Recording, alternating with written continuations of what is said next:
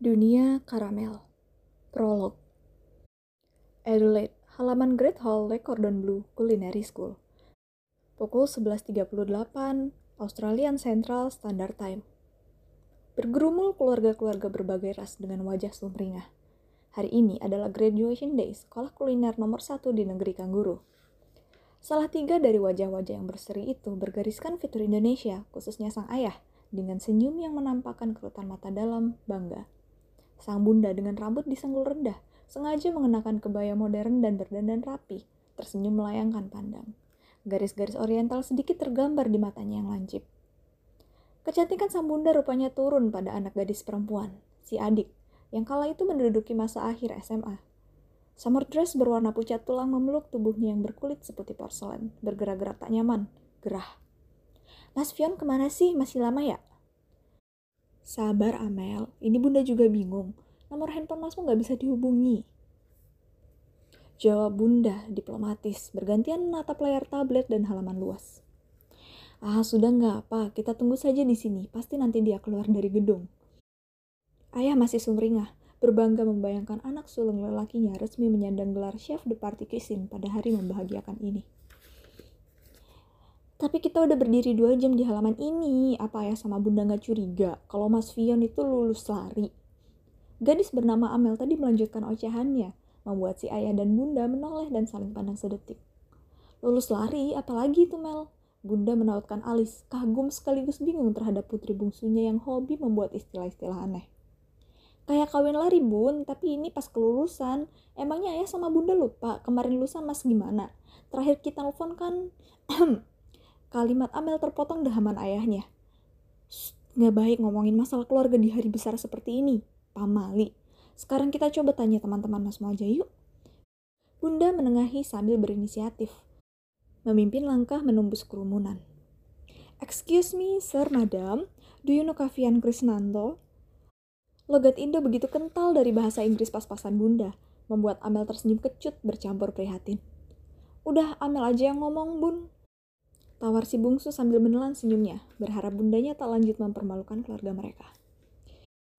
Menit-menit berlalu tanpa ada kerabat teman angkatan yang familiar dengan nama Fion. Amel hampir menyerah frustasi setelah 45 menit bertanya ke sana kemari bagai induk etik kehilangan anak. Ditambah matahari Australia yang ternyata lumayan menyengat di ubun-ubun kepala. Langkah kaki gadis itu berjalan cepat menuju pohon rindang tempat ayah bundanya duduk beristirahat. Namun tiba-tiba, seorang gadis berambut emas berlari tepat ke hadapannya. Mata gadis asing itu biru secerah langit, dan bibirnya tipis berlekuk indah sewarna jambu air. Amel terkesiap sejenak menghadapi sosok yang tingginya menelan tubuhnya di bawah bayang-bayang itu. Are you perhaps a member of Mr. Krishna's family? Fion Krisnanto? Suara itu merdu mendayu dengan logat Aussie kental. Amel membulatkan matanya mendengar nama belakang sang kakak disebut. Yes, yes, that's right. Sang adik mengangguk semangat. I'm sorry for being the one to tell you, but Fion has flew back to Indonesia this morning. Jeger, Kalimat barusan bagai sambaran petir di siang bolong. Apa? Mas Fion terbang balik ke Indonesia? Di hari kelulusannya? Amel mencoba mencerna kenyataan itu, sementara ayah bundanya telah tiba di hadapan mereka entah sejak kapan. Melihat sepasang orang tua Amel, si gadis bule menundukkan pandang secara rikuh. Apa katanya Mel? Ada apa? Masmu di mana? Cecar bunda membuat Amel turut gelagapan. Hmm, anu, itu, Mas Fion udah balik ke Indo, bun, katanya, tadi pagi. Hah? Apa? Amel tersenyum pahit menyampaikan berita itu. Dalam hati, ia merasa super marah akibat kakak lelaki satu-satunya itu dengan kejam tega membodohi keluarga mereka yang sudah jauh-jauh terbang ke negeri tetangga. Di sisi lain, Amel merasa kagum akan nyali sang abang untuk kabur. Lepas sungguhan dari kedua orang tuanya. Bener kan Mas Fion lulus lari, gumam Amel di tengah kegaduhan siang itu. 48 jam sebelumnya. Koper telah dipak, tiket sudah dicetak. Keluarga Krishna sedang berkumpul di ruang tengah dengan tablet tipis bunda tergeletak di atas meja, menampilkan panggilan dengan anak sulung mereka yang sudah berjalan selama 15 menit. Percakapan itu di loudspeaker agar semua penghuni rumah dapat berpartisipasi. Ayah, bunda, juga Amel. Pokoknya secepatnya kamu harus selesaikan semua birokrasi dan administrasi ya, Ion. Ayah mau kamu cepat kembali ke sini dan segera ambil alih resto ya. Halo Vion, ya? Sang ayah berkata terlampau nyaring, hampir berteriak ke arah tablet. Iya ya, astaga, kasih Vian waktu sebentar buat pamitan sama teman-teman di sini juga. Suara pemuda menyahut dari seberang sana. Iya Yon, tapi jangan lama-lama. Ayah sama bunda sudah merencanakan pertemuan kamu akhir bulan ini. Sama si Mimi anak yang punya perusahaan frozen food ceria itu loh, yang kapan hari bunda bilang itu. Ya? Kini suara wanita mengudara. Hah, maksudnya apa bun? Bunda mau jodohin Vion? Ya, dicoba saja dulu, siapa tahu kamu cocok. Anaknya cantik loh, keluarganya juga sesukses itu, jadi pemasok bahan utama resto kita. Kini sang ayah menimpali. Apa-apaan sih ya? Vion udah nurutin apa mau ayah sama bunda buat sekolah kuliner jauh-jauh ke Australia. Seumur hidup Vion selalu nurut. Kenapa sekarang pas baru lulus malah mau dijadiin umpan buat mistis ayah sih? Yang bener aja. Heh, Vion, kamu ngomong apa sih? Kami begini nih supaya kamu hidupnya enak, tertata dan terencana. Sejak kapan kamu jadi pemberontak seperti ini? Gelegar suara ayah membuat Amel dan bunda bungkam seketika. Ini gak adil. Kasih waktu Vion untuk hidup. Kenapa sejak Vion lahir, Vion gak pernah Cukup, kita nggak akan bahas ini. Vion, kami akan ke sana, kamu akan lulus, dan kamu ikut kita pulang ke Indonesia. Itu adalah final. Tiket sudah dipesan, alamat tanggal sampai jamnya sudah di-email oleh sekolahmu. Kamu diam dan tunggu saja. Fani sang ayah dengan suara tegas. Gak, Vion gak akan biarin ini terjadi. Vion gak terima. Klik. Panggilan berakhir. Sunyi mengudara selama beberapa detik sebelum diputus dengan helaan napas berat sang ayah. Ini kita gimana ya? Amel memberanikan diri membuka suara, membuat ayah menatap langit-langit rumah sekilas sebelum menjawab. Jalankan sesuai rencana. Kita ke Adelaide nyusul masmu itu. Bagian 1. Pengganti. Amel, itu jemuran BH kamu diangkatin dong, mendung ini. Suara bunda menegur putri bungsu yang sedang terlentang di atas kasur. Memejamkan mata, lengkap dengan headset membekap telinga. Seekor kucing berbulu putih dengan telinga orange terlelap di ketiak sang putri mendengkur. Nama hewan itu adalah Mengko alias si Meng. Mel, astaga anak ini, bangun heh. Bunda menampar-nampar pipi Amel dengan gemas, membuat sang punya wajah mengerutkan alis. Apaan sih bun? Amel menggeliat memiringkan badan, memeluk kucing yang ikut menggeliat bersamaan. Ya Tuhan, ini nggak kucing, nggak anak, sama aja malesnya. Heh, ayo Amel, bangun.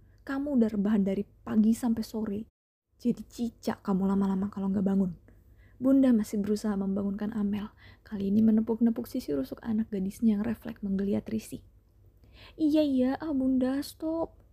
Setengah geli dan menahan kesal, Amel bangkit dari kasur. Duduk dengan pandangan linglung memperhatikan sekeliling setengah sadar. Jam berapa sih ini? Karamel mengucek matanya. Merasakan cakar mungil, Mengko menggaruk manja di belakang pinggangnya. Kucing itu melanjutkan tidur siang tanpa peduli, membuat Amel mendengkus iri dalam hati. Enak banget ya jadi kucing. Udah setengah empat ini sore, jemuran kamu angkat, cepet. Bunda merentetkan instruksi yang membuat Amel menggeram ketika mendengarnya. Perintah, perintah, dan perintah. Seumur hidup, Amel selalu diperintah oleh bunda dan ayahnya. Nggak pernah lepas gak berubah bahkan setelah dia kehilangan kakak sulungnya, Vion. Kini, Karamel Krisnanda harus rela menjadi anak semata wayang semenjak kepergian sang kakak, Kavian Krisnanto, setahun lalu. Amel selalu menganggap Vian sebagai role model dalam hidupnya. Dulu, dari kecil, bayi, pokoknya sejak Amel bisa ingat, seingat dia, Vian selalu ada untuknya. Selalu bisa jadi orang yang diandalkan. Mereka berdua sama-sama merasa terasingkan di keluarga sendiri, tertekan di bawah dikte orang tua yang terlampau diktator, posesif, dan bahkan narsistik, toxic. Waktu Amel SMP dan Vian SMA, mereka mulai merasa risih atas nama lahir pemberian orang tuanya. Kavian yang merasa namanya aneh karena identik dengan plesetan kafein, nekat menjaga namanya sendiri menjadi Vion. Ia bahkan pernah mencoret awalan K dari absensi kelasnya agar guru-guru memanggil namanya Vion Krisnanto ketika mengabsen dirinya. Sukses. Entah bagaimana Vian berhasil menyematkan nama tanpa ibu Hanka di paspor dan visanya, hingga nama Vian yang tersemat menjadi jati dirinya yang baru ketika memulai sekolah di Australia. Kenekatan abangnya membuat Amel turut berani menjegal awalan K dari namanya sendiri. Karamel, manisan gula bakar. Nama itu merupakan parodi dari kudapannya menjadi kesukaan ayah dan bundanya. Sungguh komedi. Mungkin ini terdengar lucu, nama anak seperti nama makanan. Tapi tidak lucu jika di sekolah, di kelas, mereka jadi dibully karena nama yang aneh itu. Semenjak tumbuh dan mengerti logika, baik Amel dan Fion sama-sama mulai merasa kalau kelahiran mereka berdua hanyalah perpanjangan dari kegemaran orang tua mereka terhadap nama makanan dan main kuda-kudaan. Beruntungnya, dua foodie yang mereka panggil ayah dan bunda itu telah menyalurkan hobi makan-makan dan kuliner mereka dalam fokus menjalankan usaha restoran keluarga yang diwariskan dari kakek neneknya. Turun-temurun tiga generasi ke atas. Itulah sebabnya memasak jadi keahlian wajib keluarga Krishna. Fion, sang sulung yang paling sabar, paling tegar, menuruti tuntutan orang tuanya. Sementara si bungsu, well, dia belajar dari Fion. Walaupun Amel lebih kepala batu dan susah diatur, namun Fion selalu sukses merayu adiknya itu untuk menghabiskan waktu bersama di dapur. Amel selalu sigap menunggu instruksi dari abangnya untuk mencincang, mencuci, menumis, dan menyicipi hasil jerih payah mereka. Amel percaya dirinya bisa masak hanya karena ada Fion di sisinya. Selisih tiga tahun usia mereka, Fion sukses menjadi sandaran hidup Amel. Dia menjelma menjadi abang yang telaten sekaligus mentor yang bisa diandalkan, lengkap dengan sifat pengertian dan perhatian terhadap adik perempuannya. Tapi sekarang, Fion menghilang. Amel sendiri menahan pahit cedera hati setiap hari Sejak kembali dari Adelaide, Australia tahun lalu, Amel tak pernah lagi menginjakan kaki di dapur. Tak mau, tak rela. Amel cuma mau masak kalau ada Mas Fion. Teriakan nyaring itu terngiang di langit-langit saat mereka tiba di rumah tanpa kembalinya Fion. Ewangan manja kucing pulas yang mengigau dalam lelapnya membuat Amel tersadar sedetik. Jemari gadis itu merambat menyusuri bulu-bulu halus berwarna putih di perut terbungkam mengko. Hewan itu bergeliat, mendengkur dengan keras. Kamu kangen Mas Ion juga ya, Meng? Majikan itu lanjut membelai hewan peliharaannya sambil bergumam sendiri. Entah si Mengko paham atau tidak. Pertanyaan Amel dijawab dengan guapan lebar mulut kucing itu, menunjukkan gigi-gigi mungil berbaris di antara dua taring panjang. Dengan gemas, Amel memposisikan telunjuknya di tengah mulut terbuka si Meng, membuat kucing itu tak sengaja menggigit jari majikannya. Mengko mengelak refleks. Amel terkekeh. Kamu ingetkan dulu pas pertama dibawa sama Mas Fion, Amel melanjutkan dis kucingnya sambil menengkurapkan badan, kembali bergumul dengan kasur. Mengindahkan langit sore yang mulai kelabu mendung serta perintah bunda untuk mengangkat jemuran. Tiga tahun lalu, saat itu Amel merajuk. Dua hari lagi, kakak yang selama ini menjadi tumpuan hidupnya harus terbang menuju benua lain karena titah sang ayah. Mas Fion akan sekolah kuliner di Australia, dan Amel tak bisa terima. Mel, haci, ini sini dulu deh kamu.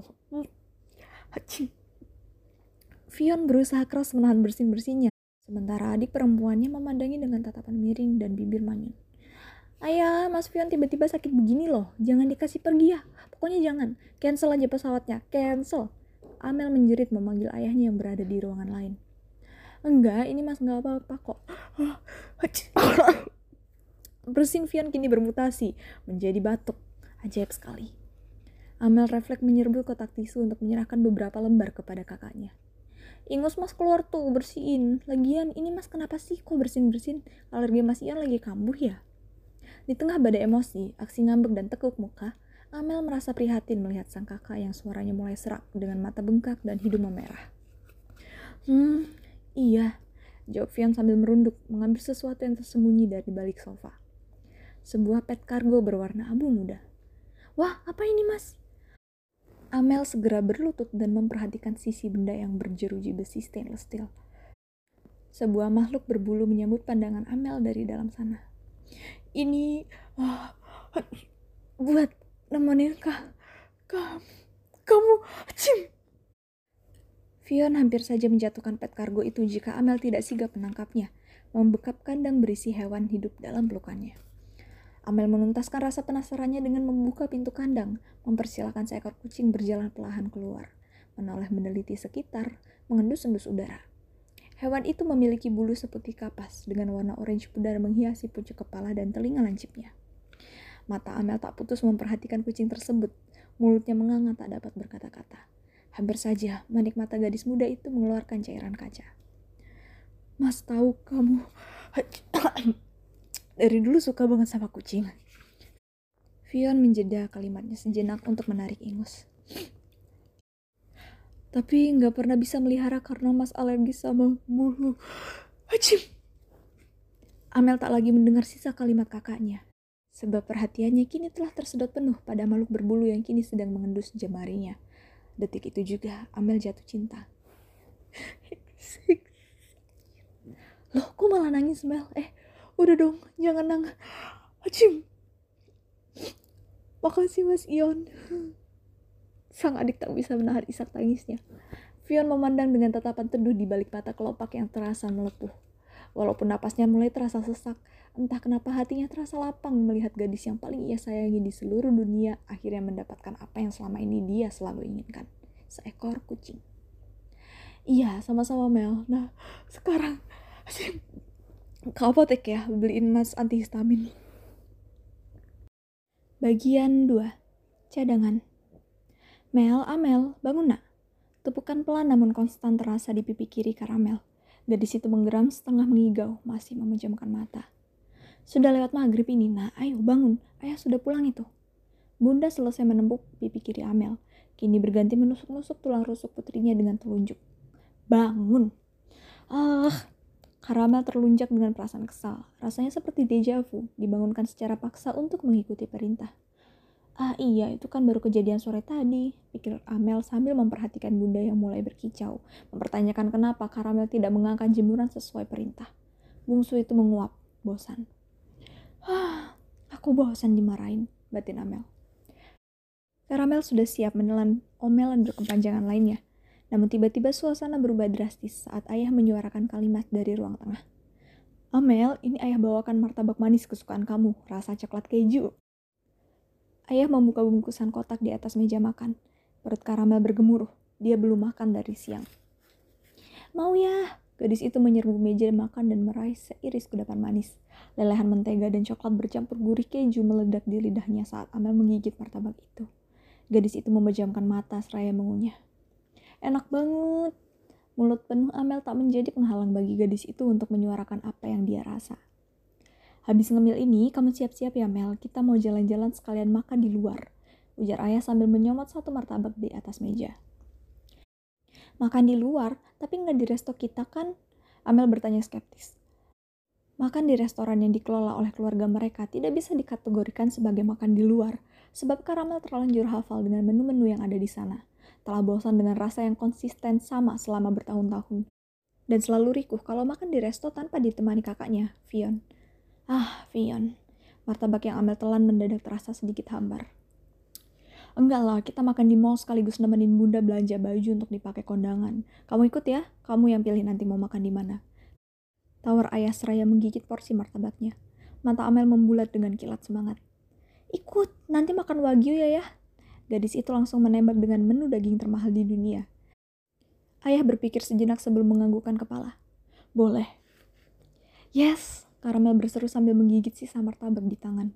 Acara santap menyantap appetizer berupa martabak manis terjeda saat Mengko melompat ke atas meja, mengendus-endus udara. Hus, turunin itu, Mel. Bunda memerintah sambil menunjuk-nunjuk. Amel yang sibuk mengunyah sontak buru-buru meraih Mengko dari atas meja, menggendong hewan itu turun dari singgah sananya. Lapar mungkin itu dia. Kasih makan Mel, terus kita siap-siap pergi. Kini ayah yang melontarkan perintah tambahan. Amel mengembuskan napas. Kok rasanya jadi seperti babu ya? Grand Mall Indonesia merupakan pusat perbelanjaan yang juga terkenal sebagai pusat kulineran. Resto berbagai tema berjajar, menawarkan menu-menu yang siap memuaskan pelet pengunjung. Amel, ayah, dan bunda duduk di dalam sebuah resto bernama Meat and Meat. Yang, seperti terindikasi dari namanya, menjual berbagai menu dedagingan. Amel mau wagyu yang rib ayah ya? Pinta gadis itu setelah menurunkan buku menu. Ayah mengangguk, bunda mulai mencatat. Ayah tenderloin deh, Kini giliran sang kepala keluarga yang memutuskan pilihan. 15 menit berselang, pesanan mereka tiba. Karamel tergiur akan ketebalan daging steak yang disajikan, lengkap dengan guratan lemak tanda marbling sempurna daging super mahal tersebut. Santap malam keluarga Krishna hari itu lain dari biasanya.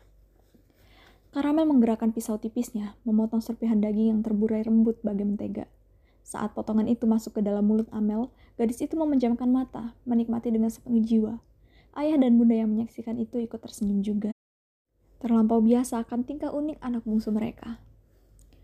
Enak, tanya ayah sambil menyantap potongan dagingnya sendiri. Banget. Amel menjawab dengan mulut penuh. Kamu nggak pingin bisa masak sendiri wagyu seenak ini? Ayah melayangkan pertanyaan yang membuat Amel menghentikan kunyahannya. Maksud ayah? Garpu di tangan gadis itu diletakkan di sisi piring. Nafsu makannya menguap seketika. Firasatnya tak enak. Ya, ayah pikir sudah saatnya kamu mulai memikirkan masa depan, Amel. Sudah setahun ini kamu lepas melakukan apa saja yang kamu mau, makan apa saja, juga kami turuti. Jadi, ayah lagi nggak nyuruh Amel untuk masuk sekolah kuliner kan? Tembak gadis itu tepat sasaran. Hening. Mel, semenjak Mas Fion, apa? Karamel memotong kalimat bunda yang tak tuntas. Membawa nama kakak lelakinya itu memanglah resep dasar untuk memantik pitam Amel seketika. Karamel, jaga nada bicaramu. Kita lagi di tempat umum. Ayah mendesiskan kalimat tegas dengan nada dingin mengancam. Amel bungkam. Oh, jadi ini alasan kenapa kita makan di luar. Supaya aku nggak punya kesempatan untuk ngomong balik. Simbol Amel dalam benaknya. Gadis itu menghela napas. Ia telah kalah. Mel, panggil ayah menyita perhatian anak gadisnya kembali. Ayah rasa sudah saatnya kamu penuhi kewajiban kamu sebagai penerus keluarga usaha Krishna. Kavian sudah tidak bisa kami harapkan lagi. Dan kamu, ya semoga jangan sampai seperti masmu itu. Mengecewakan. Karamel dapat merasakan cinta nyeri di dadanya. Amel kangen sama Mas Fion, tapi kenapa ayah dan bunda malah bilang kalau Mas Fion mengecewakan? Tidakkah mereka ingin Mas Fion kembali? Batin Amel. Kami sudah cari info tentang sekolah kuliner yang bagus di dalam negeri. Gak usah jauh-jauh deh. Ternyata di Jakpus ini juga ada. Cuma 45 menit jarak tempuh dari rumah. Kamu bisa PP nanti diantar ayah. Gimana? Ucap bunda dengan senyum sumringah. Tak menangkap ekspresi anak gadisnya yang sudah kaku. Nanti setelah kamu paham betul masalah masak-memasak, ada kelas kilat manajemen yang bisa kamu ambil juga. Semacam seminar begitu. Nah, bagus itu. Cocok untuk calon penerus restoran Krishna. Dan ayah juga punya kenalan anak lelakinya baru saja naik jabatan jadi sous chef di hotel bintang 5. Bisa itu kita tarik dia, iya kan bun? Siapa tahu jodoh sama si Amel juga. Oh tidak, sekolah ditentukan, jodoh disiapkan. Aku sudah jadi Mas Fion versi baru, anak dengan peran cadangan. Rintih Amel dalam hati. Gadis itu lantas mengiris sisa porsi dagingnya, mengunyah hanya sekedar untuk melampiaskan emosi. Amel tak lagi merasa lapar. Halo, kenapa sih lu telepon malam gini? Udah berubah jadi kuntilanak ya lu? Suara tajam mendayu yang akrab di telinga Amel berkumandang dari ponsel di pipi gadis itu. Karamel telah tiba di kamarnya, berbaring di atas kasur. Melirik sekilas jam digital di atas nakas yang menunjukkan pukul 23 lewat 11. Ia tak bisa tidur. Maaf Yot, gue butuh banget ngobrol. Besok lo ke kampus kan? Gue ikut ya. Karamel berucap ke arah ponsel. Di seberang sana, suara helaan napas terdengar. Hah, iya iya, besok gue jemput. Sekarang udah malam ikan bobo. Makasih Yot, sampai ketemu besok. Klik. Karamel memandang langit-langit kamarnya. Gamang. Setidaknya dia punya besok untuk dinantikan. Saat ini, Karamel hanya ingin hilang. Bagian 3. Pamrih. Perpustakaan Pusat Universitas Indomaya, pukul 13.20 WIB. Karamel Krisnanda menelungkupkan wajahnya di atas meja kayu beralaskan buku tua The World Book Encyclopedia terbitan 1980. Tidak, Amel sedang tidak membaca buku tebal dan berat itu. Dia hanya hobi menghirup aroma kertas tua. Bau itu selalu bisa menenangkan pikirannya. Jidat lo nyetak paragraf tinta tuh lama-lama, Mel. Suara mendayu pemuda gemulai mengusik telinga Amel. Gadis itu membalas dengan bebunyian hmm asal. Kalau mau pinter, buku tuh dibaca Cin, bukan dijidatin, lanjutnya. Berisik ah yot, Amel menyeletuk dari balik lipatan lengannya, menjegal nama Elliot Sanjaya yang biasa dipanggil El Keren jadi Yot yang tidak begitu keren. Nyolot aja Chin, ada masalah apa sih? Banyak berulah lagi. Sini-sini berkeluh kesah sama Ai. Amel mengangkat wajah, akhirnya, menatap sosok Elliot yang memandanginya prihatin. Berpaku tangan di dagu, tersenyum miring. Pemuda itu mengenakan kaos safari berwarna neon, nyentrik dengan celana jeans dan sepatu kulit tebal. Kayaknya masalah hidup gue itu-itu aja deh, Yot. Bosen gue lama-lama, muak. Amel mendengus, mulai membuka sesi curhat mereka siang ini. Duh, dari gue kenal lo pas TK, emang problema lo kepentok di ortu mulu ya. Controlling parah, Bo. Kita aja dulu main prosotan aja di timer segala. Sekarang kenapa lagi sih, Babs? Gue habis di sidang yot kemarin didudukin dipojokin suruh buru-buru daftar kuliah program kuliner terus ambil alih resto mana kayaknya gue bakal dijodohin sama koki random pula Elliot mendengus menahan tawa. Klasik, komentarnya pendek. Heh, kali ini beda. Gue tuh padahal udah seneng ya semenjak Mas Fion cabut. Orto tuh jadi lebih kayak ngebebasin gue aja gitu. Ya walaupun masih hobi ngatur juga sih, cuman mereka nggak protes pas gue nge-skip form pendaftaran kuliah pas habis lulus SMA itu. Lalah itu kan karena lu ngancem mau kabur juga malih. Belaga lupa segala, Elliot memotong. Ya iya sih, cuman gue beneran ngira akhirnya mereka berubah jadi longgar dan gak sekontroling dulu. Lo sendiri tahu kan kalau gue udah gak pernah masak-masak lagi sejak gak ada Mas Pion. Nah, mereka gak pernah protes tuh. Padahal kan masalah masak ini lebih trivial, simple gitu, gampang dilakuin. Daripada kuliah. Amel menghentikan kalimatnya untuk mengembuskan napas. Kesal. Sungguh tidak mengerti dengan kelakuan orang tuanya yang memanas dinginkan kebijakan mereka. Tadinya gue ngira mereka beneran berubah yot, udah lega akhirnya gue dibebasin juga. Eh ternyata, Amel melanjutkan, sementara Elliot menatap sahabatnya sambil memiringkan wajah. Ya sih, aneh banget. Kalau emang goals mereka bikin lo jadi pewaris usaha resto, kenapa nggak cus pas dulu-dulu aja coba? Pas Babang Fion masih fresh-freshnya cabut. Amel menggeleng, no clue. Ternyata curhat dengan Elliot tidak menghasilkan solusi apa-apa. Tapi Amel tetap bersyukur akhirnya bisa membagi beban hatinya dengan sahabat sejak kecilnya itu. Dua muda-mudi itu menghela napas bersamaan, sibuk dengan pikiran masing-masing. Lagian lo kenapa nggak kuliah bener sih, Mel? Setahun nganggur gini, otak lo nggak karatan apa? Elliot memandangi Amel skeptis, menjabarkan fakta bahwa Amel bukan mahasiswi di kampus ini. Sejujurnya, Amel nggak pernah merasa dirinya manusia paling pintar, dan nggak merasa bodoh-bodoh amat juga. Standar lah di tengah-tengah. Tapi kalau kepintaran itu diukur dengan derajat gelar akademis, Amel mundur. Semenjak lulus SMA, Amel menepis jauh-jauh saran orang tuanya untuk melanjutkan pendidikan di perguruan tinggi mana pun. Yap, Karamel Krisnanda tidak melanjutkan kuliah setelah lulus SMA. Dia berkeliaran di perpustakaan pusat ini tanpa status resmi sebagai mahasiswa. Bermodalkan ekspresi datar dan kepercayaan diri di luar kadar. Amel bebas mondar-mandir di perpus, kantin, bahkan beberapa kali menyusup sebagai mahasiswi hantu di kelas malam Elliot. Tentu saja, seluruh aksinya didampingi dengan sahabatnya itu, Elliot, yang mana merupakan mahasiswa aktif kampus ini. Amel senang menghabiskan waktu di lingkungan asing, dan Elliot senang ditemani Amel. Pasalnya, gerak-gerik Elliot yang sedikit gemulai melambai membuat cowok itu dicap melenceng dari kodrat, serta dikucilkan dan dijauhi oleh teman-teman satu kampus. Penilaian miring itu memang tidak adil. Tapi Elliot merasa terlalu malas untuk menjelaskan apa pun kepada mahasiswa yang menjudge dia seenaknya. Elliot memilih untuk mengabaikan. Jadi, kehadiran Amel merupakan penyelamat Elliot dari label gagal sosial. Aktivitas spionase yang dilancarkan Amel dibantu Elliot telah berjalan mulut selama satu semester. Wajah Amel yang melebur dengan wajah-wajah sekian ribu mahasiswa lain tak membuat pihak otoritas kampus mengenalinya dan teman seangkatan Elliot yang menjaga jarak mereka tidak ambil pusing akan kehadiran Amel. Pendeknya, eksistensi Amel hampir tidak terdeteksi di kampus ini. Hai El, oh ada karamel juga? Hampir. Hey Kev, oh my god, siang-siang gini udah ganteng gila bu, bikin kita jadi melting aja. Elliot menyambut Riang dengan suara lantang, membuat beberapa mata tertuju padanya, diikuti desian shh oleh ibu-ibu pengawas kampus.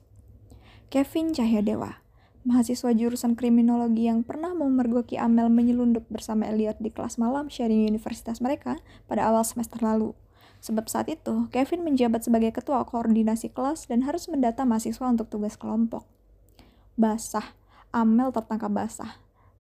Saat itu, deburan jantungnya serasa mau copot. Dan sensasi itu juga masih terasa setiap kali Amel harus beradu temu dengan Kevin. Perawakannya yang maskulin, tinggi tegap dengan garis rahang tegas dan alis tebal simetris menaungi tatapan mata tajam, membuat cewek normal mana pun akan jatuh berlutut, terpanah cinta dadakan di hadapan seorang Kevin. Amel juga termasuk, sebab dia normal. Namun agak disayangkan, sepertinya Kevin tidak. Amel selalu curiga kalau Kevin itu sebenarnya agak belok. Pemikiran itu bukannya tak berdasar, sebab saat pertama kali bertemu dan digoda oleh Elliot, Kevin malah tertawa ramah dan mukanya bergidik-geli. Apa dia malah kesenangan ya digodain Elliot, batin Amel saat itu. Bayangkan saja, cowok setampan dan sesempurna itu pasti bisa mendapatkan cewek mana pun yang ia tunjuk. Tapi tidak, Kevin masih bertahan dengan status jomblonya sejak awal masuk kampus. Ditambah lagi, setiap berpapasan dengan Amel dan Elliot, ia bahkan tag along, ikut, nempel, dan nimbrung bareng mereka. Dan sependek pengetahuan Amel, Kevin dan Elliot sering mengerjakan tugas kuliah bersama di perpus atau kafe dekat kampus. Kalau bukan Kevin yang ngebet naksir sama Elliot, terus apa dong? Ah, dunia memang gak adil. Kenapa cowok tampan maskulin harus punya minat yang berbelok? Dan kenapa harus sama Elliot pula? Jerit Amel dalam hati, tak terima. Kok bengong aja, Kar? Halo, kamu gak lagi tidur sambil berdiri kan? Kevin menarik perhatian Amel dengan melambai-lambaikan tangan di depan wajahnya. Amel berkedip sesaat. Oh, eh, ya. Tuh kan, manggil orang aja pakai aku kamu. Kalau nggak belok, terus apa dong? Maklumin aja, Kev. Doi lagi ada masalah tuh. Makanya otaknya jadi gestrek agak fokus di sapa cogan segini rupa. Elliot menimpali di tengah gelagap Amel. Oh ya, masalah apa? Tanya Kevin. Dan mengalirlah cerita hidup seorang karamel, lepas bebas keluar dari mulut Elliot untuk konsumsi grup kecil mereka. Kevin mengangguk-angguk memperhatikan, mendengarkan dengan sesama. Hati Amel sedikit kecut melihat Kevin sedemikian rupa berkonsentrasi atas kalimat-kalimat yang keluar dari mulut Elliot. Pasalnya, wajah tampan Kevin menjadi semakin nonjok ketika matanya fokus tertuju satu titik. Alisnya yang lurus simetris terpaut dengan sedikit kerutan di dahi, dan jemari panjangnya parkir di dagu seiring kepalanya mengangguk-angguk. Anjir, cakep, sialan. Coba aja lo normal, Kev. Amel membatin pahit. Hmm, jadi kamu ngerasa sifat mereka yang belakangan ini baik banget, tiba-tiba berubah drastis gitu, Kar. Suara Kevin membuat Amel kembali tergagu. Potongan nama Kar yang terus digunakan Kevin membuat telinga Amel sedikit rikuh. Namun entah kenapa ada sebersih rasa nyaman ketika mendengarnya. Mungkin karena yang mengucap nama itu adalah seorang Kevin. Ya gitu, gue jadi bingung aja kenapa tiba-tiba berubah gini, Amel menjawab. Kayaknya kamu lagi di love bombing deh. Pernah denger gak istilah itu? Kevin meluruskan tatapan matanya ke arah Amel yang menggeleng, sementara Elliot menyeletuk. Love bombing, bom cinta. Bagus dong kedengarannya romantis gitu. Ya, tapi nggak sebagus itu, El. Love bombing itu usaha manipulasi yang dilakukan seseorang dengan cara ngasih afeksi, perhatian, cinta berlebih untuk mendapatkan apa yang mereka mau. In this case, orang tua Karamel ngasih dia kebebasan hanya untuk ditarik kembali dengan dalih kamu udah dapat apa yang kamu mau, sekarang turutin apa kemauan kami. Gitu. Kevin menjelaskan dengan seksama. Oh, jadi ngasih cinta tapi pamrih ya, ngarepin balasan. Simpul Elliot, yang dibalas dengan anggukan oleh Kevin. Karamel terduduk diam sesaat sebelum akhirnya membuka suara. Iya ya, bener juga. Soalnya satu kalimat yang bokap gue bawa pas marah-marah kemarin itu ya mirip-mirip gitu, kayak kamu kan kemarin udah ngelakuin sesuatu kamu, sekarang harus jalani kewajiban apa gimana gitu. Udah ah lupa, kuping gue panas. Amel menghela napas. Oh iya, dan juga timingnya pas banget nih mau mau tahun ajaran baru.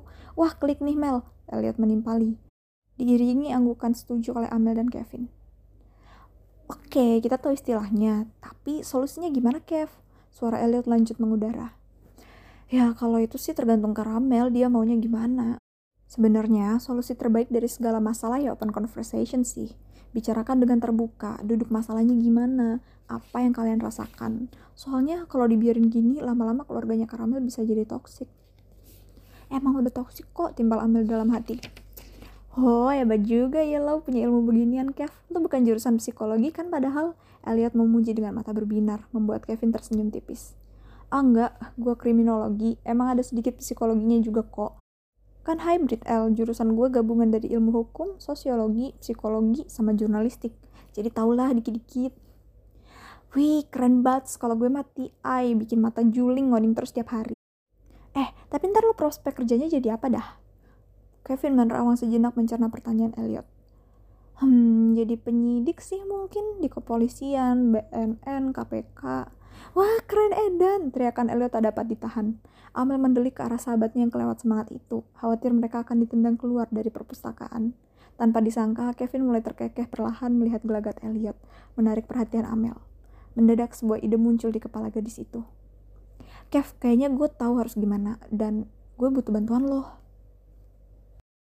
Bagian 4 Sphinx Kediaman keluarga Cahya Dewa, 1908 WIB Rumah itu megah dan luas, dengan belasan rak buku berisikan literatur hukum dan surat kabar berbaris tertata rapi.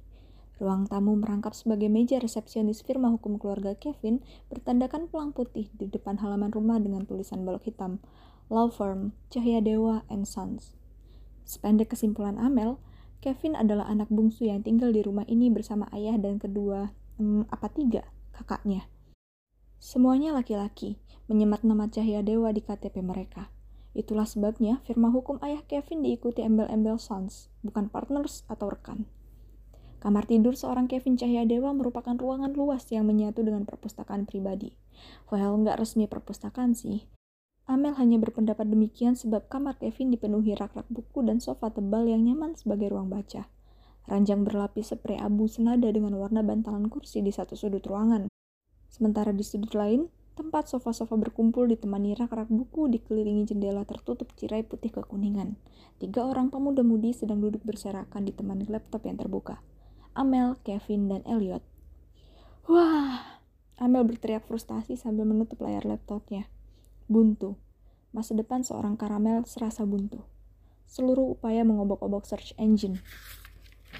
Di jagat maya hanya berujungkan data Vion saat menjadi mahasiswa di Adelaide. Sosial media tidak aktif, nomor HP boro-boro. Abang yang satu ini sungguh lenyap di telan bumi. Astaga, iya iya Mel, gue matiin downloadnya. Lemot dikit aja udah ngamuk-ngamuk, dasar nenek lampir. Elliot menanggapi sambil menggeser mouse dalam genggamannya. Bukan gitu, Yot. Ini gue ngerasa hopeless. Gimana coba caranya nemuin Mas Fion? Kevin, lo ada ide nggak?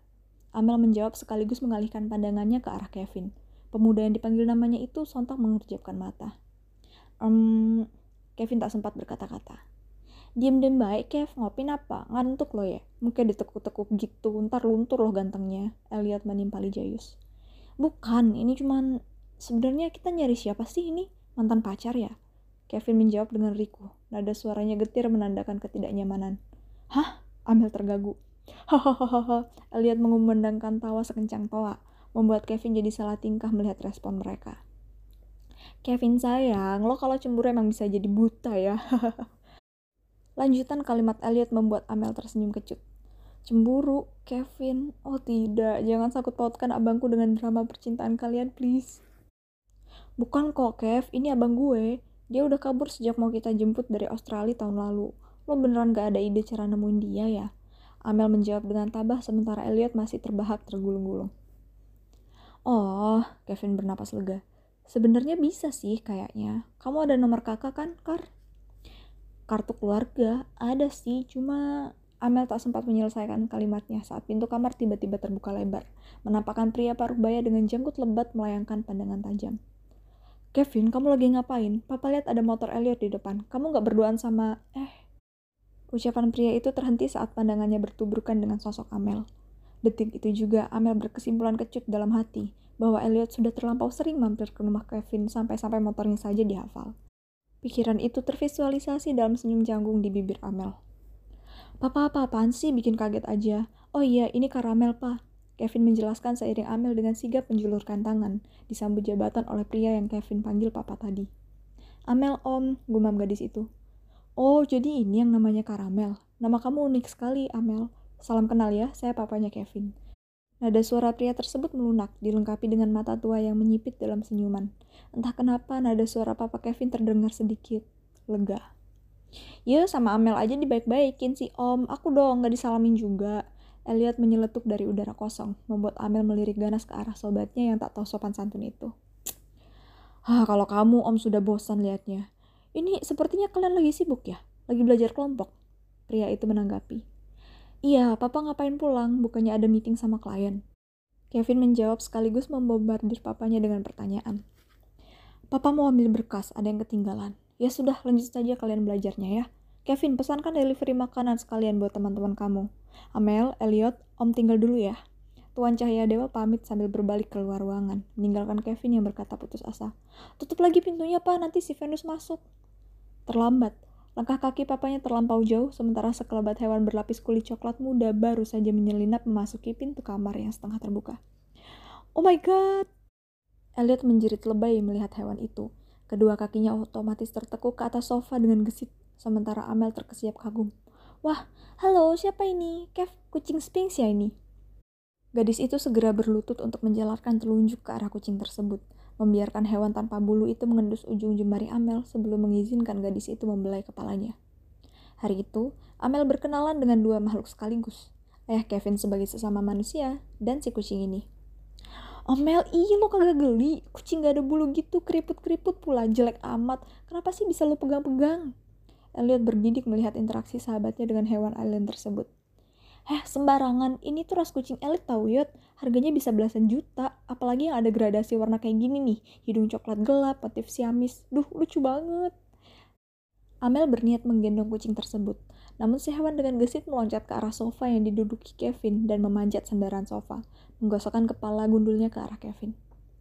Belasan juta buat megang hewan begituan, dah gila. Elliot berkomentar sementara Kevin dan Amel sama-sama menahan tawa mendengar ocehannya. Ini si Venus yang kata kamu gak boleh masuk, Kev. Kenapa gak dibolehin masuk? Amel bertanya sambil memperhatikan Kevin. Iya, ini Venus. Aku kira kamu takut kucing, apalagi yang bentukannya aneh kayak gini. Elliot aja geli liatnya. Ternyata kamu beda ya, Karamel. Kevin mengerling sekilas ke arah gadis itu, menyuguhkan senyum termanis yang pernah Amel lihat. Anjrit. Oh, iya aku juga punya kucing kok di rumah, jawab Amel yang refleks mengatupkan mulut setelah sadar ia mengeluarkan kata aku. Um, gue maksudnya, gue, gue, ya. Oh iya, tadi kakak buat apa, Kev? Gue ada kayaknya, tapi nggak bawa. Kalau KTP aja, bisa nggak? Amel gelagapan berkata dengan serabutan, dan Elliot mulai tersenyum jayus melihat sahabatnya yang salah tingkah tersebut. Kevin pun turut tersenyum tipis sebelum melanjutkan. KTP ya, hmm, bisa sih kayaknya. Soalnya kan nomor serinya sama kayak di kakak. Boleh deh, sini coba. Oke, oke, bentar.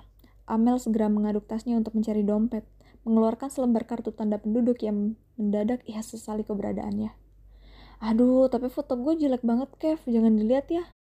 Amel mengulurkan kartu tersebut setengah hati. Kevin menerima kartu itu dan langsung mencelakai perintah Amel. Si bungsu cahaya dewa tersebut mematai foto KTP Karamel sambil tersenyum penuh arti. Memperhatikan ekspresi Amel yang berpose kaku dengan poni tipis membingkai wajah mungilnya. Cantik gini, simpul Kevin. Kata itu bagaikan mantra ajaib yang membuat Amel membisu. Otaknya mendadak beku. Aku pinjem dulu ya, coba nyari sesuatu. Tunggu sini bentar. Kevin melanjutkan kalimatnya sambil bangkit, meninggalkan ruangan diikuti kucing Venus yang membuntut tepat di belakangnya. Amel menggigit bibirnya dengan gambang. Dalam ruangan ini hanya tersisa dirinya dan Elliot. Kevin aneh gak sih, Yot? Lo gak curiga gitu? Amel membuka obrolan. Hmm? Tanggap Elliot. Senyum miring masih menghiasi wajahnya. Gue bener-bener bingung, Yot. Walaupun lo laknat dan minus ahlak, tapi kan tetep lo sahabat gue. Gak tega lah gue. Gadis itu mulai meracau, membuat Elliot melirik dengan satu alis terangkat. Maksud lau? Ya gimana-gimana juga kan lo udah nemenin gue dari orok. Gue bukan pagar yang makan tanaman, bukan temen nikung temen. Apalagi komentar Kevin barusan. Mel. Dia bilang gue cantik. Hah, udah gila. Cowok seganteng dia muji gue. Cantik katanya. terus gue harus gimana yot? Mana jantung gue geder-geder gini pula kagak bisa diatur. Gue bersalah banget kalau sampai ada apa-apa. Karamel. Gue tahu dia tuh gebetan lo yot. Tapi walaupun begitu hubungan kalian kayaknya ditentang sama bokapnya Kevin. Tapi do itu naksir lo geblek.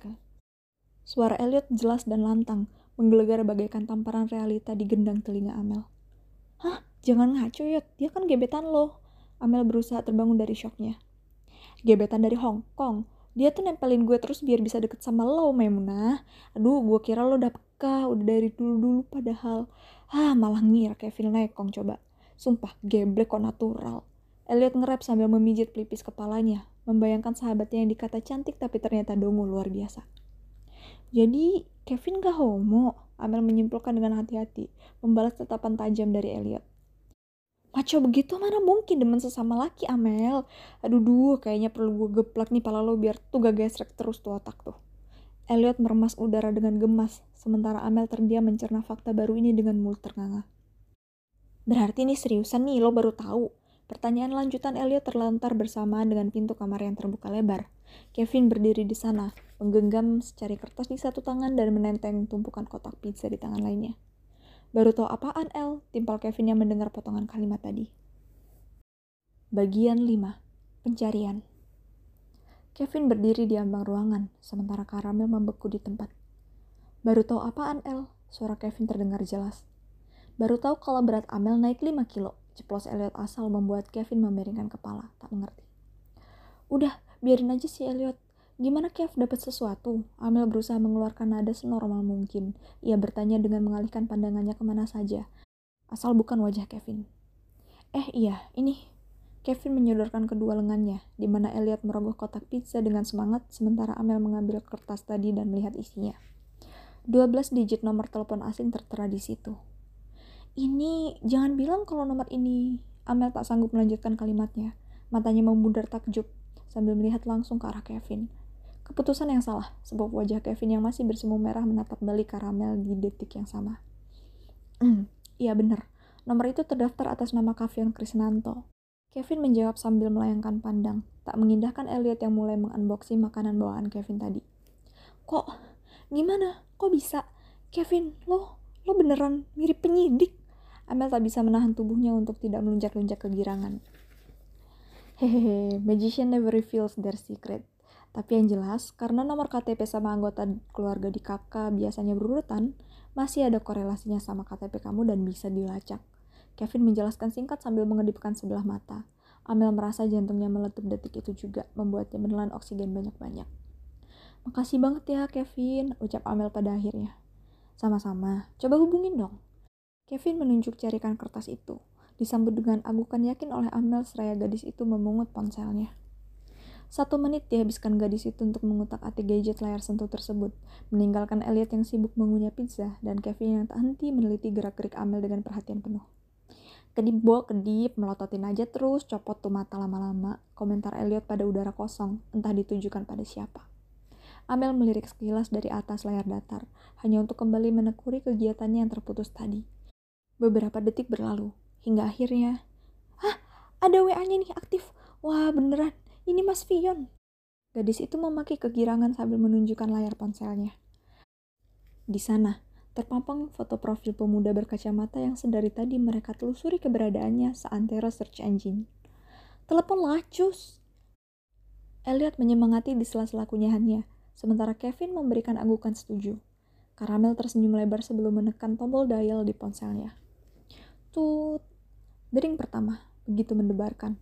Amel menelan ludah dengan susah payah ketika tulisan di bawah nama kontak Vion berganti dari calling menjadi ringing. Tutut. Dering demi dering terus berlalu. Panggilan itu terus berdering tanpa ada jawaban. Akhirnya, sambungan itu terputus tanpa respon di sisi lain. Amel menghela napas, setengah lega dan kecewa, untuk kemudian mencoba menekan tombol yang sama. Dial.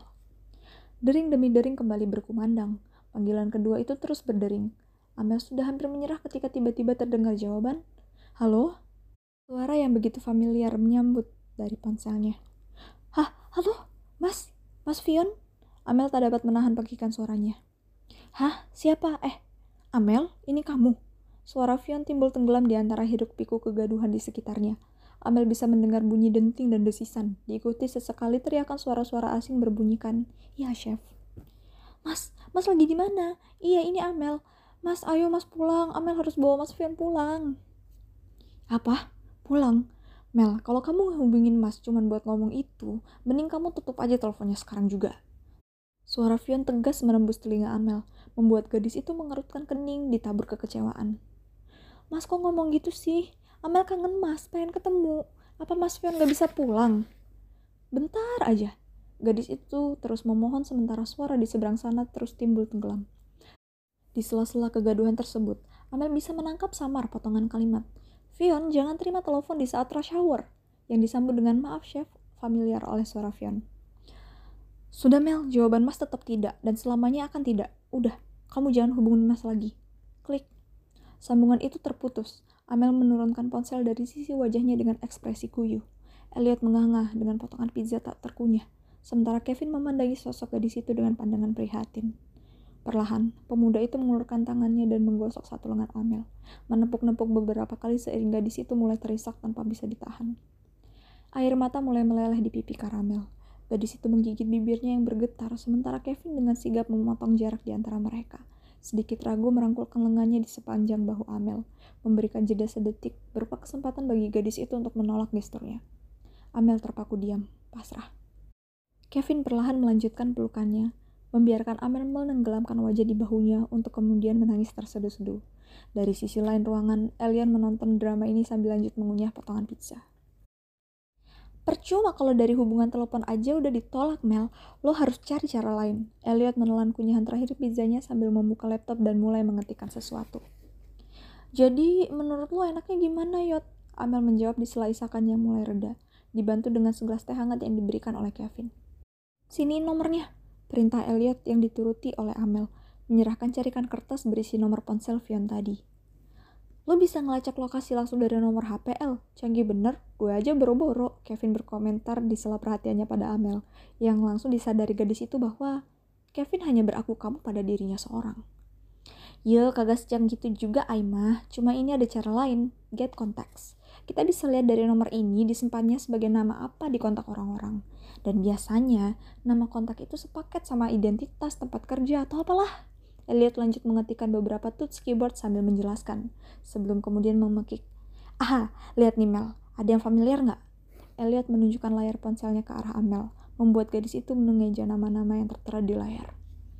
Vion, Vion Koki, Vion K, Vion Pasta, Vion Celes. Ini apa lagi nih? Vion CH. Amel mengangkat pandang yang disambut senyum kemenangan di wajah Elliot.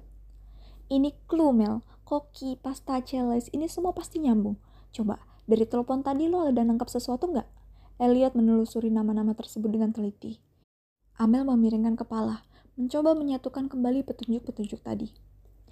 Kayaknya Mas Fion kerja di dapur deh, jadi koki pasta. Soalnya tadi gue sempet denger ada yang teriak-teriak chef-chef gitu. Adik bungsu buronan itu mulai menyimpulkan. Nah, oke, okay. kalau gitu sekarang masalahnya di mana? Kita punya apa? Celes? CH? Apaan tuh? Resto, warteg, bistro? Elliot memiringkan bibir tanda berpikir. Mendadak menarik kembali laptopnya untuk mengakses search engine. Gue nggak yakin kalau tempat kerja gituan ngupload database pegawainya di internet, L. Kevin bersuara setelah meneliti gerak-gerik Elliot. No need, karena cukup dengan nama, gue bisa nelusurin apa aja di dunia maya. Nih, nih, lihat nih. Elliot tersenyum bangga menunjukkan kurasi nama-nama tempat yang berhasil ia telusuri. Elliot dengan mudah mengetikkan keyword CLSH yang langsung dikoreksi oleh mesin pencari menjadi mean Celestial Hotel? Kok hasilnya bisa sespesifik itu, El? Jangan sembarangan loh. Kevin bertanya sambil memperhatikan layar tersebut, yang dibalas dengan decakan gemas oleh Elliot. Bebski, jangan curigaan gitu dong. Ah, lihat nih, ada tab kecil di atas hasil search-nya tuh. Itu tuh adalah filter bar yang gue kembangin sendiri. Gue taruh filter tempat-tempat yang ada nama Celes, yang ada resto, dan ada menu pastanya. Dan tada, keluar deh. Elliot menjawab dengan nada puas yang berbuahkan tatapan kagum oleh Amel. Kevin berdecak setengah tak percaya sambil masih memperhatikan layar laptop. Coba lihat, Yot, itu di mana tempatnya? Amel berkata penuh harap, masih memperhatikan dengan mata sembab dan jejak air lakrima yang kering di pipinya. Oke, bentar ya. Elliot kembali mengotak-atik laptopnya. Ketemu, dan lokasinya 789 km ke arah timur dari tempat kita sekarang, 9 jam perjalanan naik mobil, 18 jam naik motor, dan 6 hari jalan kaki. Tapi tenang, ada rute udara juga. Cuman 30 menit dari Suta ke Juanda. Jadi, lokasinya di Jawa Timur L, simbol Kevin instan. Yap, Elliot menjawab tak kalah instan. Kirimin alamatnya ke gue Yot, sekarang, perintah Amel sambil mengemasi barang-barangnya. Lo mau ke mana Mel? Cabut lo. Elliot bertanya sambil mengklik sesuatu pada mouse-nya, mengirim alamat Celestial Hotel sesuai permintaan Amel.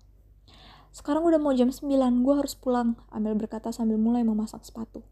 Aku antar Kar, Kevin buru-buru bangkit untuk mencari kunci mobil. Eh, eh, gak usah Kev, gue balik sama Elliot aja, tolak Amel buru-buru. Di, ngadi-ngadi, gue masih mau di sini ya download-download. Kapan lagi coba ada internet ngebut kayak sekarang? Elliot menolak mentah-mentah kalimat Amel, membuat gadis itu mendesak pasrah sementara Kevin telah kembali dengan melambaikan kunci mobilnya. Yuk, ajak cowok itu. Kevin mengemudi dengan pandangan lurus, terarah menuju jalan raya. Profil wajahnya yang menawan tampak semakin mencengangkan dari samping, beralaskan kaca jendela yang disinari lampu-lampu pinggir jalan. Amel melirik sekilas sambil terduduk kaku. Pernyataan Elliot tentang fakta bahwa sebenarnya Kevin tertarik pada dirinya tadi tak membuat posisi berduaan dengan cowok itu menjadi mudah bagi debaran jantung Amel. Gugup, excited, suara Kevin memecah keheningan. Amel terkesiap sedikit sebelum tergagap. Hah? Hum? Apa? Kamu baru aja ngobrol sama abangmu yang udah lama hilang. Gimana rasanya? Kevin menenguskan senyum melihat respon gadis yang duduk di sampingnya. Um, Ya itu gugup campur excited sih, sedih juga tadi ditolak, jawab Amel seraya tanpa sadar memilih-milih jemari tangannya. Tenang aja Kar, darah itu lebih kental daripada air. Gimana pun dia tetap keluarga kamu, dan keluarga pasti balik sama-sama lagi. Gitu ya? Iya. Sunyi kembali membendungi seisi mobil itu. Amel berdeham lirih sambil mulai merasakan perutnya bergejolak. Kev, boleh tanya sesuatu? Hmm? Amel mulai menata pikirannya untuk mulai meluruskan kusut yang menyangkut di benaknya. Papa kamu kayaknya tadi familiar sama nama aku. Kamu cerita apa aja emangnya? Kalimat itu meluncur dari bibir Amel, tak tersaring akan panggilan aku kamu yang sudah mencair entah sejak kapan di lidahnya. Oh, cerita. Hmm, cerita apa ya?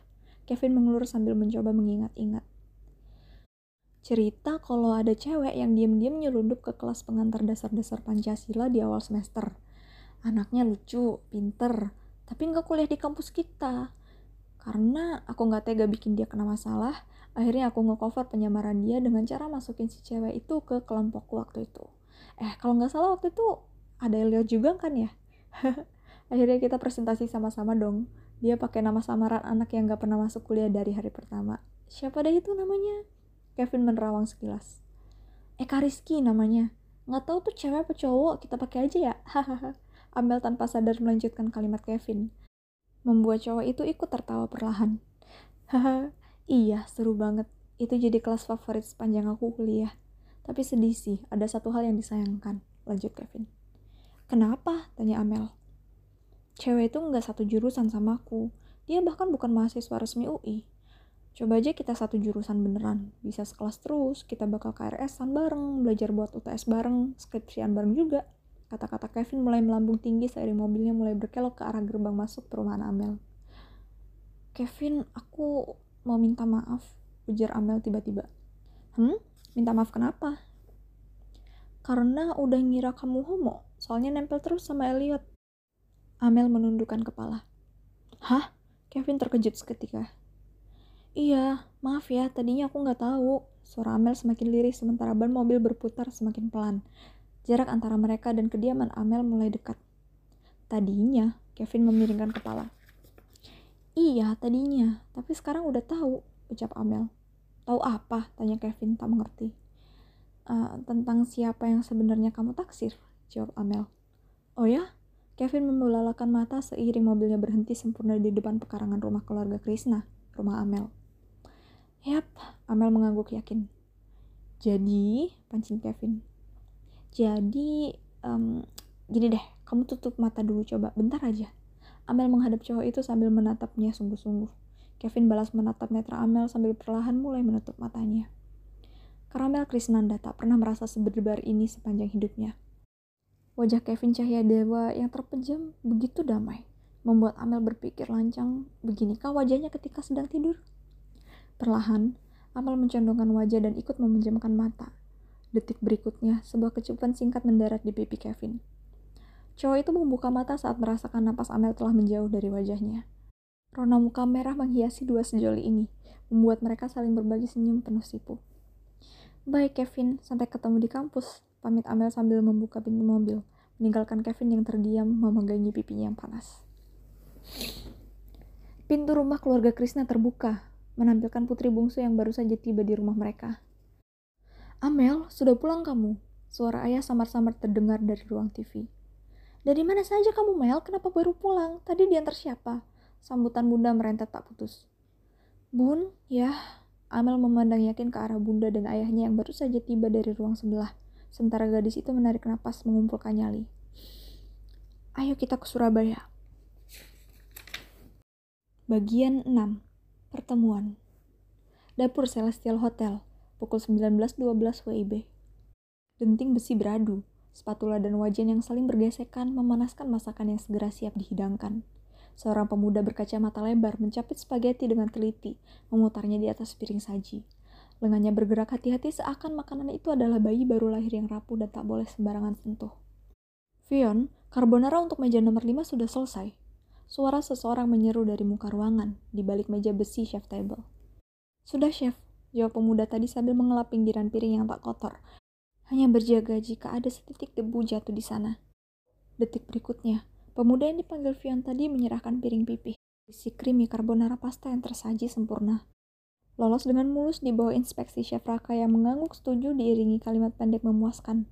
Oke, okay, pas. Piring itu keluar dapur diiringi denting bel nyaring.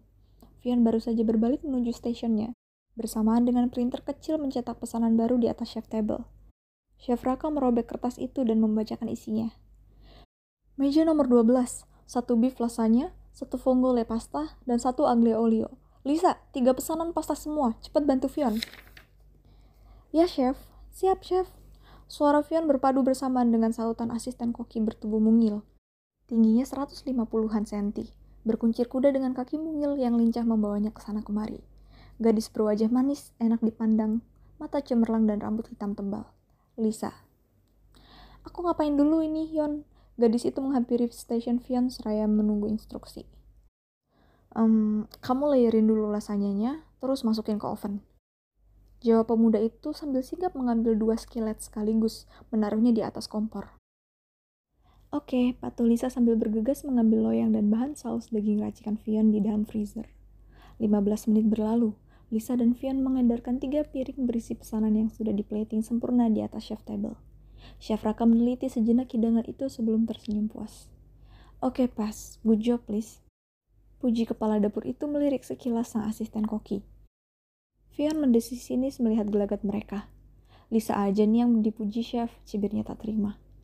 Kamu gak perlu pujian, Vion. Hidangan yang kamu garap sudah pasti sempurna. Tutur Chef Raka dengan nada sabar, sementara Lisa menatap Vion dengan bibir berkerut. Cemburu aja nih, Vion. Makanya punya pacar tuh manusia, bukan pasta manusia bisa ngomong, bisa muji, nggak kayak masakanmu yang kerjanya cuma ditaburin keju sama minyak zaitun doang. Lisa menohokkan kalimat fatal yang langsung menusuk telinga Vian. Sebebas kalian aja lah, dasar bucin, gumam kopi spesialis pasta itu sambil membalikan badan, mengudarakan ejekan miring atas status chef Raka, sang kepala dapur, yang berpacaran dengan Lisa, si asisten koki.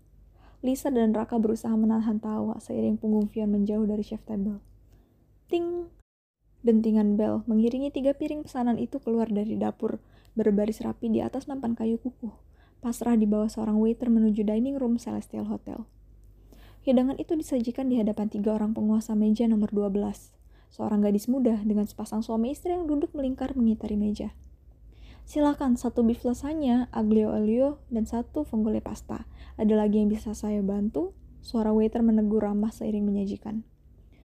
Enggak dulu mas, terima kasih. Pria parubaya menjawab sambil mengangkat garpu, siap menyantap pasta kerang vongole pesanannya. Baik, kalau begitu silakan dinikmati. Permisi. Sang waiter pamit diiringi anggukan penghuni meja. Detik-detik berlalu, diisi masing-masing mata memperhatikan piring saji berisikan pesanan mereka. Mas Fion hebat ya ya, bun. Si gadis membuka suara, berkata dari atas lasanya berlapis daging keju pesanannya. Ayah dan bundanya saling tatap sejenak sebelum menjawab. Sudah seharusnya Mel, masmu itu kan belajar jauh-jauh ke Australia. Ya wajar saja kalau kemampuannya jadi paripurna begini. Sang ayah menjawab sambil menaikkan garpu, mulai menggulung penggolenya.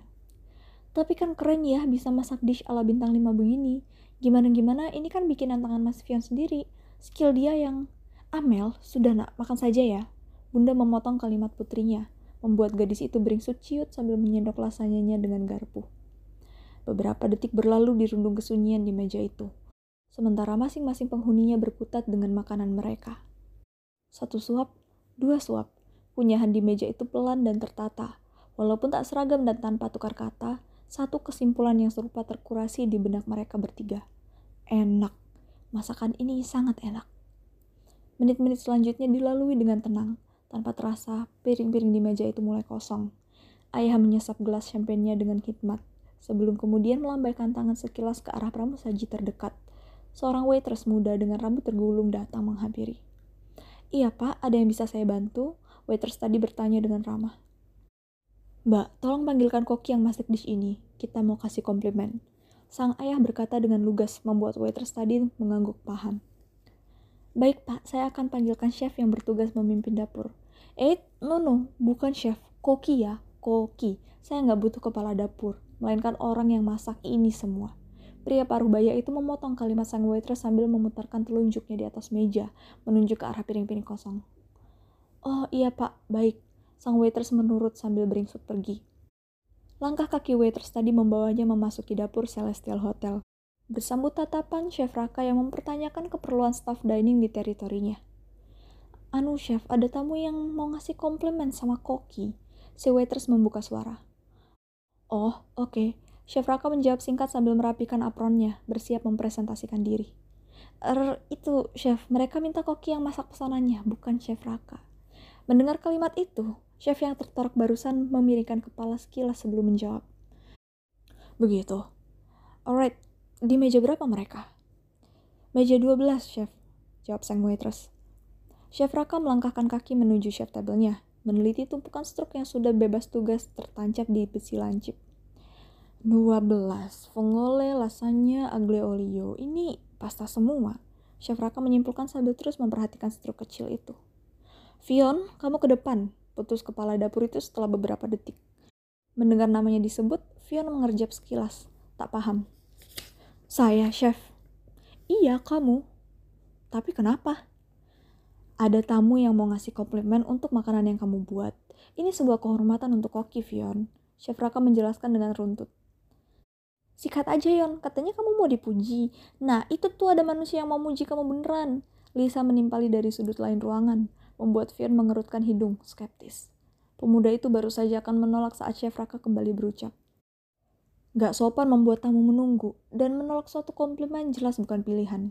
Go, Fion, ini perintah. Saya nggak mau ada koki tanpa tata krama di dapur saya. Mengerti? Titah itu lugas dan final, membuat Fion tak bisa berkutik lagi selain menjawab dengan, Ya, Chef. Vion Krisnanto berjalan mengikuti sang waitress menuju meja yang meminta kehadirannya. Beberapa belas meter dari tujuan akhir, Vion dapat melihat siapa yang duduk di sana. Mendadak, kakinya terasa digelanyuti beberapa ratus kilogram. Berat, langkahnya terasa menguras tenaga. Silakan Pak Bu, ini koki yang memasak pesanan Bapak Ibu sekalian. Waiters tadi berkata sebelum undur diri, meninggalkan Vion berdiri terpaku dihujani pandangan beragam dari masing-masing anggota keluarganya. Amel memandangi dengan tatapan bersalah, rindu, sekaligus menahan keinginan untuk segera loncat memeluk Fion. Bunda memandangi dengan sayu, seakan bertanya, kamu kok tambah kurus, Yon? Makanmu teratur enggak? Sudah makan apa belum kamu ini? Sementara ayah meneliti sosok Fion dari atas ke bawah dengan tatapan menusuk, air mukanya tak terbaca. Fion tahu hari ini akan tiba, cepat atau lambat. Well, ternyata mendadak jadi cepat saat Fion menerima telepon dari Amel beberapa hari yang lalu. Pemuda itu telah curiga, dan nyatanya kecurigaan tersebut sungguh mewujud di depan mata. Ia melabuhkan pandangannya pada sosok gadis yang diyakini menjadi biang kerok dari ini semua. Amel. Sang adik yang ditatapi dengan tajam oleh kakaknya hanya bisa tersenyum kecut, seakan tertangkap basah telah mengadukan kenakalan kakaknya pada kedua orang tua mereka, dan perlahan memulutkan kalimat lirih. Hai, Mas Fion. Bagian 7 Keputusan Bandar Udara Juanda 2129 WIB Langit malam menaungi gundah wajah seorang karamel. Pandangannya tertekuk, fokus menuju roda mungil koper yang diseret oleh ayahnya. Ia melangkah pelan di belakang, dengan hati kecil yang tak henti memberontak sejak mereka berkendara dalam taksi 15 menit yang lalu. Beberapa langkah menuju gerbang bertuliskan domestic departure, Amel membulatkan niatnya. Tidak, perjalanan hari ini tak boleh berakhir sia-sia. Ayah, bunda, kita nggak bisa pergi sekarang. Dua orang yang terpanggil itu berhenti, berbalik sejenak untuk memandangi putri bungsu mereka yang berdiri tegak. Tatapan mata gadis itu tajam, kukuh, penuh tekad. Mel, apa kamu lupa persetujuan kita kemarin, nak? Kalau Mas Fion menolak, ya sudah, artinya enggak. Amel memotong kalimat bundanya.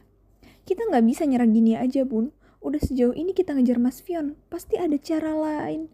Karamel, bentak sang ayah. Apa kamu tidak paham dengan kata-kata Masmu tadi, ha?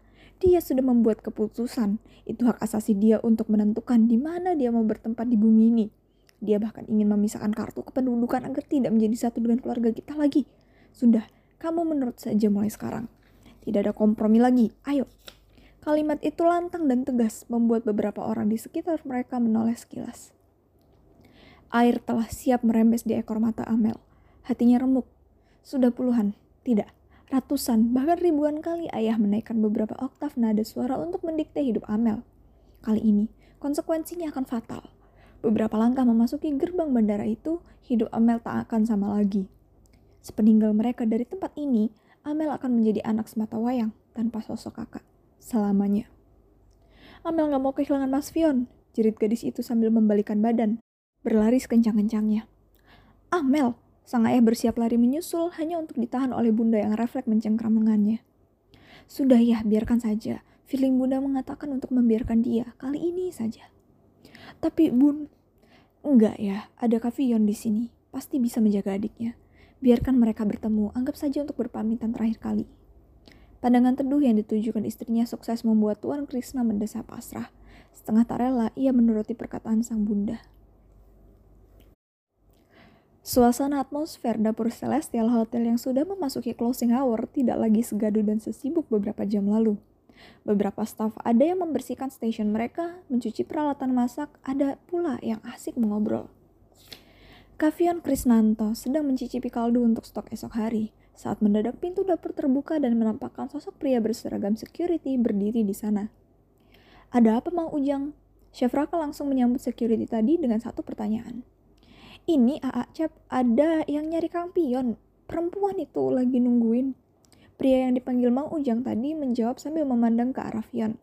Koki pasta itu balas menatap dan mengedikan kedua bahu.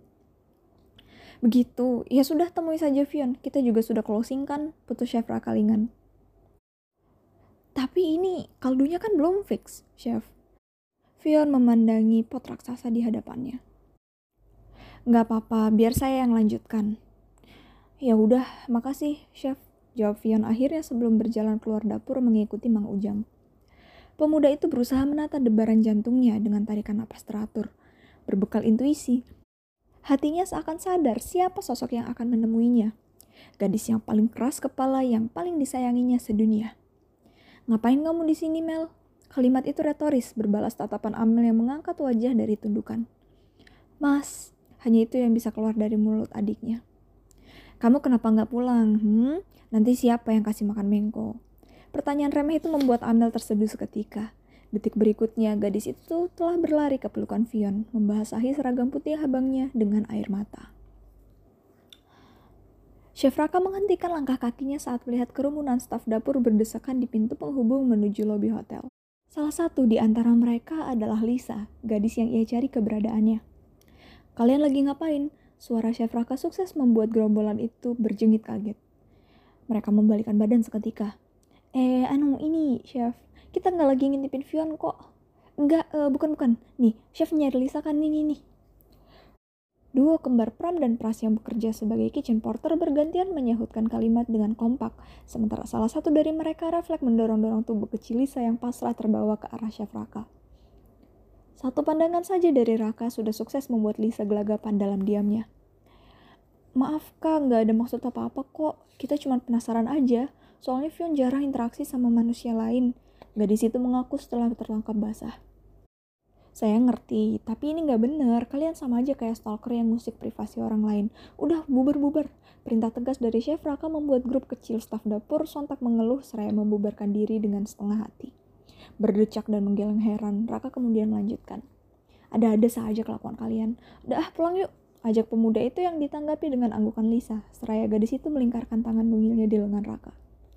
Tak jauh dari sana, berbatas pintu yang kini tertutup, Lobi Celestial Hotel yang hanya diselingi suara sayup-sayup dari televisi layar datar tergantung di dinding menjadi saksi akan dua orang kakak beradik yang sedang duduk di sofa sudut ruangan, Fion dan Amel. Amel tahu kenapa Mas Vion mau kembali ke rumah kita. Ayah sama bunda itu orang tua yang toksik sama anak-anaknya. Mereka selalu memaksakan kehendak tanpa mau peduli pendapat kita dan apa yang kita rasakan. Amel membuka suara sambil tak putus menatap tali sepatu Vion. Wajahnya tertunduk, matanya sembab akibat menangis beberapa kali dalam hari ini. Mel, kamu gak boleh ngomong gitu. Tadi aja mereka nggak bisa muji masakan Mas Fion, cuma bilang enak aja atau iya masmu udah hebat gitu aja susah banget mas. Mereka selalu mandang rendah kita, padahal Amel, mereka itu orang tua kita. Suka nggak suka, mereka tetap yang bikin kita jadi ada. Terus kenapa Mas Fion mau misahin diri dari mereka, hah? Fion tak menyangka adiknya telah sedewasa ini. dengan pikiran matang yang bisa mengerti dan membalikan omongan sesuai fakta, menampar Vion dengan kenyataan bahwa dirinya munafik. Kata-kata itu keluar dari mulut Amel tanpa ampun. Mas Vion munafik. Amel tahu kok kalau kita nggak bisa milih orang tua, tapi kita masih bisa milih jalan hidup kita masing-masing kan? Walaupun dengan cara paksaan, itu yang Amel pelajari dari Mas Vion. Lanjut sang adik, membuat Vion terdiam dalam renungannya sejenak. Aku nggak nyangka kalau keputusanku berdampak segini besar sama kamu, Amel, batinnya. Mas Fion juga egois, tinggalin Amel buat jadi tumbal bual-bualan ayah bunda. Mas Fion gak mikir nasib Amel gimana, hah? Kini kata-kata gadis itu mulai mengalir menyalurkan emosi yang berbulan-bulan terendap, menunggu untuk meledak. Mas Fion tega, jahat, Mas Fion jelek. Fion tak bisa menahan senyum mendengar kalimat terakhir adiknya. Ya, Karamel jika sudah emosi bisa mengeluarkan ejekan apa saja sebebas mulutnya. Maafin mas ya, tell me, how can I make it up to you? Tawar Fion pada akhirnya, sambil menatap adiknya yang cemberut dengan penuh arti. Mas Fion tetap jadi masnya Amel ya, jangan misahin diri dari keluarga kita lagi. Amel tahu ayah sama bunda itu keras, tapi Amel yakin kita bisa ngadepin mereka kalau kita ngejalaninya sama-sama. Kalimat itu membuat Fion kembali terhenyak. Kali ini dia benar-benar mempertimbangkan apa yang dikatakan adiknya barusan. Kita udah dua dekade jadi anak mereka, Mas Fion. Kita kuat karena kita punya satu sama lain. Tapi setahun kemarin, hidup Amel rasanya berat banget. Itu karena beban di rumah Amel tanggung sendiri. Gak ada Mas Fion yang nguatin Amel. Mel, Mas bener-bener minta maaf ya. Karamel memandang kakaknya dengan sungguh-sungguh, melihat sekelebat keseriusan di matanya. Anggukan persetujuan Amel pun akhirnya terwujud diikuti senyum manis Vion yang telah berdamai dengan satu masalah hidupnya, keluarga. Mas janji, Mas nggak akan hilang dan putus kontak sama kalian lagi. Sebaliknya, kamu juga kompromi sama kemauan ayah bunda ya. Kalau kamu keberatan sama apa maunya mereka, bilang sama Mas, nanti Mas bantu ngomong. Vion berkata yakin diiringi senyum mengembang di bibir adiknya. Tawa lega membahana di antara mereka, namun segera terputus dengan vibrasi ponsel di saku jaket karamel. Gadis itu buru-buru mengeluarkan ponselnya dan menekan tombol merah, reject. Kenapa ditolak Mel? Dari siapa? Vian bertanya sementara adiknya menaruh ponsel tadi di atas meja kopi dekat mereka. Dari maskapai penerbangan, mas. Pasti mereka mau cross-check kenapa Amel nggak ikut boarding barusan, jawab gadis itu ringan. Ponsel bergetar lagi, dengan nama berejakan Brahma Jaya Air berkedip di layar. Angkat aja Mel, siapa tahu penting, saran sang kakak yang dituruti dengan setengah hati oleh adiknya. Halo, suara karamel membahana. Detik-detik dilalui dengan percakapan satu arah di sambungan telepon itu. Amel mendengarkan sementara Vion mengalihkan pandangannya ke layar TV. Air muka karamel Krisnanda mendadak surut, pucat pasti bagi kehidupan tersedot dari sana. Bibirnya bergetar, matanya berkedip, dan pandangannya kosong. Apa? Hanya itu yang keluar dari mulutnya. Vion menangkap perubahan ekspresi itu, bersamaan dengan genggaman Amel yang meloloskan ponsel di sisi wajahnya jatuh ke lantai. Gadis itu lunglai, pandangannya nanar tertuju ke langit-langit dan air mata mulai merembes deras tanpa terkontrol. Mel, kenapa Mel? Ada apa? Vion mengguncang bahu adiknya yang tak memberikan respon apa pun. Perhatian Vion tersedot samar-samar akan potongan suara televisi yang menyiarkan berita saat itu. Tepat pukul 22.11, satu menit setelah jadwal penerbangan pesawat Brahma Jaya RBJ-29 mengalami malfungsi pada mesin utama yang menyebabkan kegagalan proses take-off di trek lepas landas Bandar Udara Juanda, Surabaya. Kapal Boeing dengan nomor seri 737800 ini terekam di CCTV tower pengawas menabrak pagar besi pembatas bandara dengan membawa total 185 penumpang. Untuk sementara, kondisi korban jiwa dan terluka saat ini masih belum diketahui. Berita lanjutan akan kembali disiarkan beberapa saat lagi. Saat ini, reporter kami yang sedang bertugas Dunia Vion menjadi gelap seketika. Bumi dan kepalanya berputar. Realita mendadak serasa tak nyata.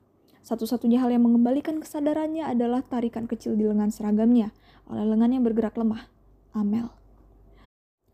Enggak, ini enggak beneran kejadian kan Mel? Iya kan?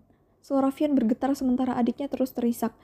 Amel menggeleng kuat-kuat sementara Vion segera merangkul gadis itu dalam pelukan erat. Tubuh mereka bergetar. Mereka nggak selamat, Mas. Suara Amel memecah tangis. Amel, tadi bentak-bentak ayah sama bunda pas mau pergi. Pas Amel gak sempet pamit, gak sempet minta maaf. Isakan gadis itu mengeluarkan kalimat patah-patah. Terbungkam pelukan kakaknya yang sekuat tenaga berusaha tegar, membendung air mata. Mas juga nggak baik sama mereka, Mel. Bisik Fion seraya menenggelamkan wajah di kepala adiknya. Kakak beradik itu mengeratkan pelukan, menguatkan tubuh yang serasa lebur dalam kenyataan pahit bahwa mereka hanya punya satu sama lain. Tak lagi, tak akan lagi Fion melepaskan Amel seorang diri. Selesai.